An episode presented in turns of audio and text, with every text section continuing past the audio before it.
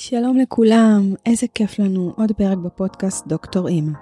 היום זה רק אני ואתם, בטח כבר שמתם לב לקונספט הלא שגרתי שנוצר פה. בחלק מהפרקים יש אורחים, ובחלק מהפרקים זה רק אתם ואני. לי זה מתאים, השילוב הזה, אני מקווה שגם לכם. אז uh, לפני שאנחנו מדברים על האם הגדולה שלשמה התכנסנו, אני רוצה להתייחס למספר דברים שכתבתם לי עליהם. נתחיל מזה שהשבוע קיבלתי מייל מאבא בחינוך ביתי. בעצם קיבלתי שלוש הודעות שונות מאבות בחינוך ביתי, שזה כשלעצמו סופר מרגש. אבל הודעה אחת כללה משפט, אותו האבא שאל אותי, מה לגבי אבות בחינוך ביתי? למה את מכוונת רק לאימהות? חינוך ביתי זה לא עניין מגדרי.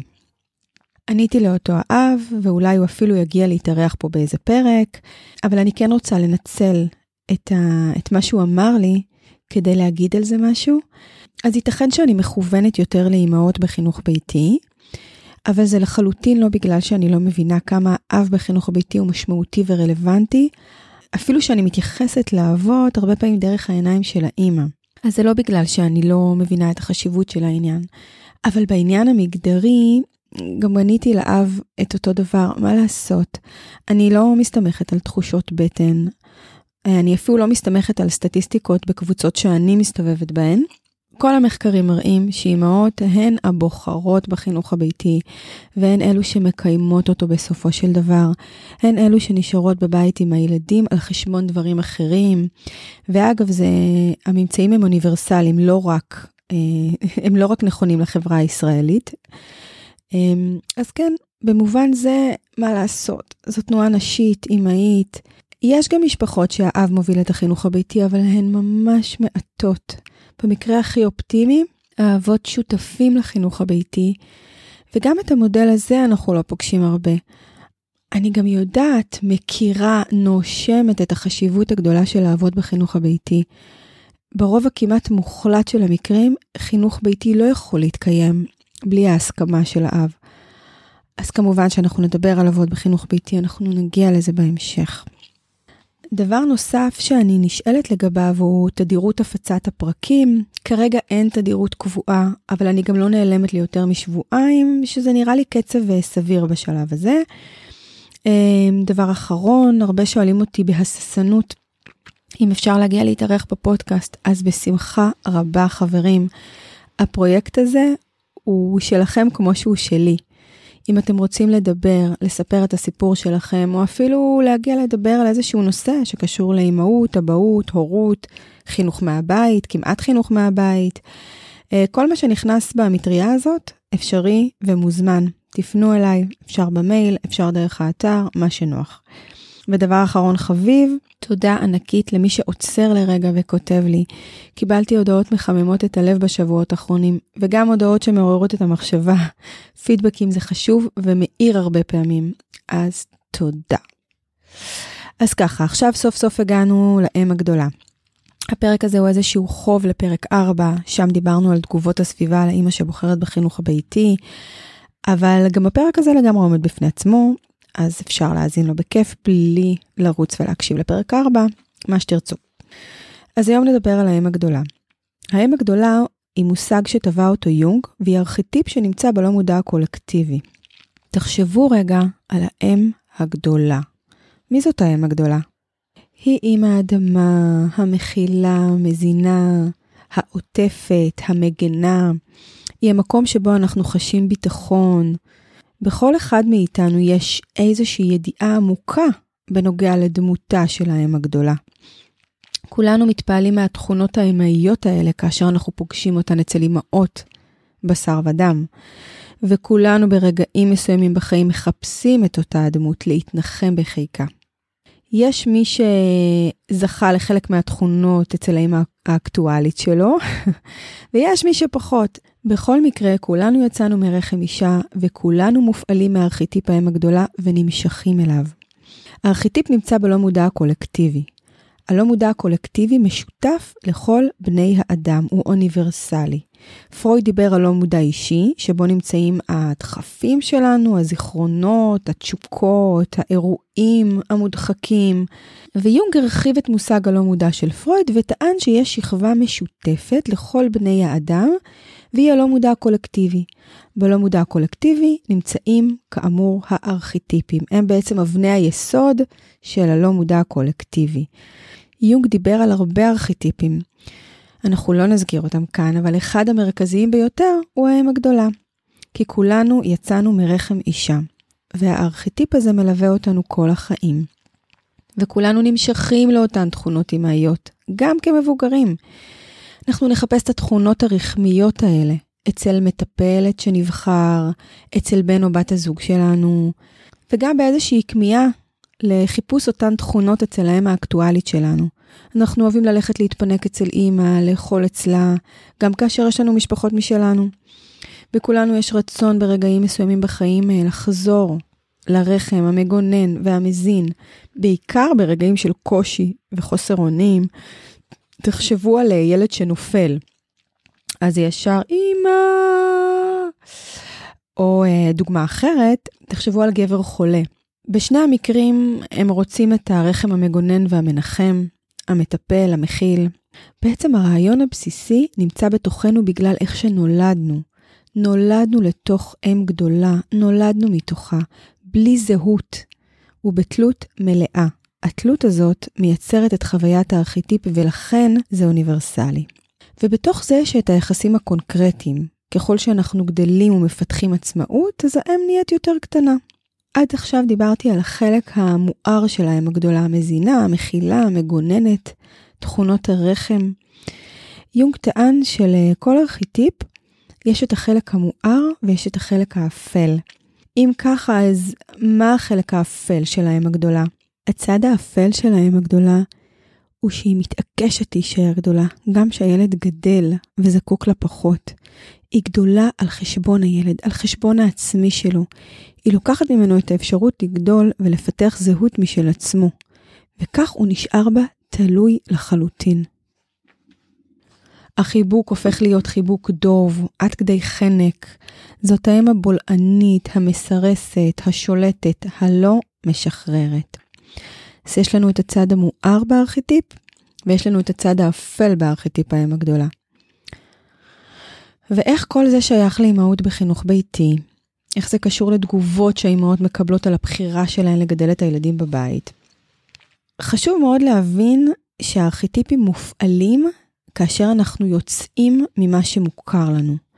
כל פעם שאנחנו יוצאים מהשגרה של מה שאנחנו רגילים אליו, מה שנתפס כנורמטיבי ומוכר, בכל פעם שהמסלול השקט הזה מופר, אותם כוחות ארכיטיפיים של הלא מודע הקולקטיבי מתחילים לפעול.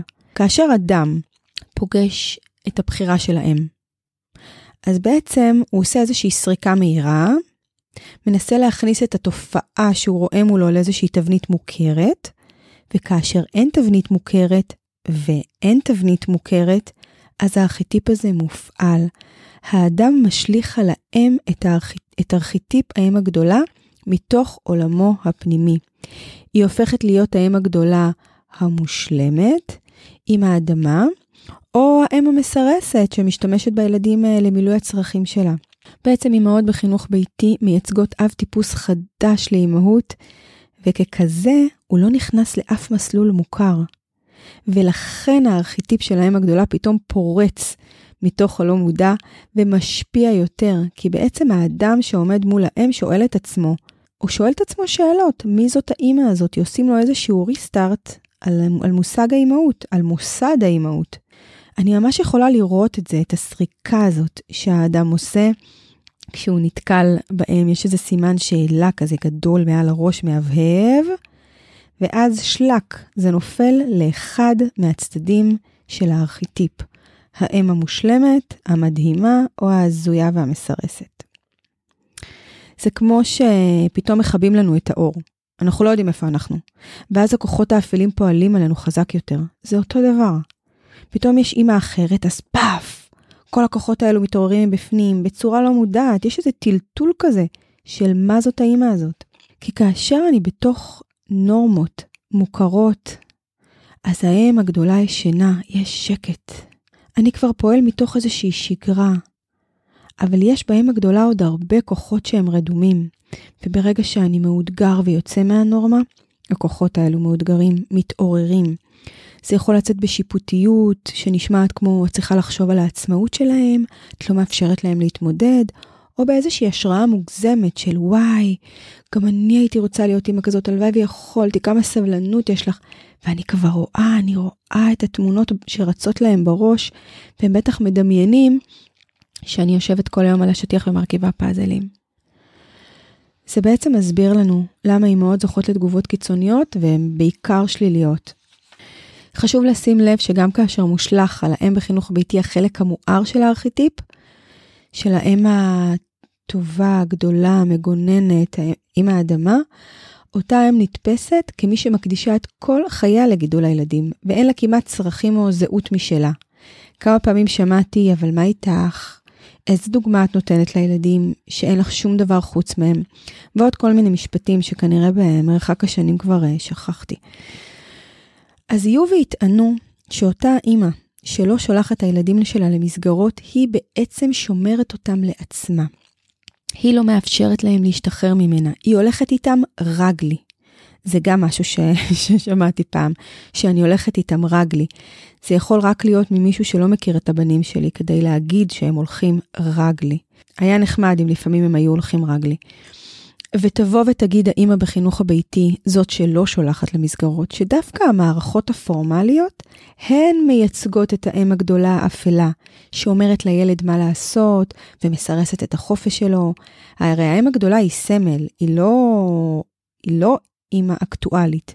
האם הגדולה היא יכולה להיות גם המערכת הציבורית, שבעצם תבוא האם בחינוך הביתי ותגיד שהמערכת גורמת לילד להישאר קטן ותלוי בה. זה בעצם הצד האפל, היא זאת שאומרת לילד מה הוא צריך ללמוד, ומה הוא צריך לחשוב, ומה נכון ומה לא נכון. האם הגדולה זו לא האימא או לא האימא, היא סמל. אז אני מזמינה אותנו להשתחרר מזה, שאימא שמחליטה לגדל את הילדים בבית, סימן שהיא לא משחררת אותם. אולי היא זאת שמאפשרת להם לגדול בצורה חופשית, לעומת המערכת הציבורית אשר מעצבת אותם בהתאם לערכים שהיא מחליטה לקדם.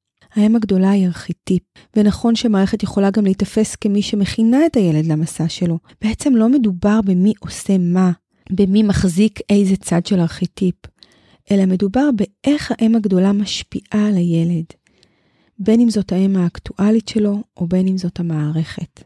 כל אחת מהן יכולה להשפיע על הילד ככוח מגביל ומסרס, או ככוח שמאפשר לו ביטחון וחופש לגדול. אם האם משאירה את הילדים בבית, והיא עושה את זה לא על מנת לשרת את הצרכים שלה, אלא על מנת לשרת את מה שהיא חושבת על איך נכון לילד לגדול. אם היא מרגישה שהיא רוצה להישאר עם הילדים שלה בבית ולגדל אותם, כי היא מאמינה בפנים, באינטואיציה שלה, אחר כך גם באידיאולוגיה אם תרצו, שככה היא מספקת להם את המרחב הבטוח והטוב ביותר לגדול ולפתח אישיות משל עצמם, אם היא עושה את זה מתוך זה, אז אחלה.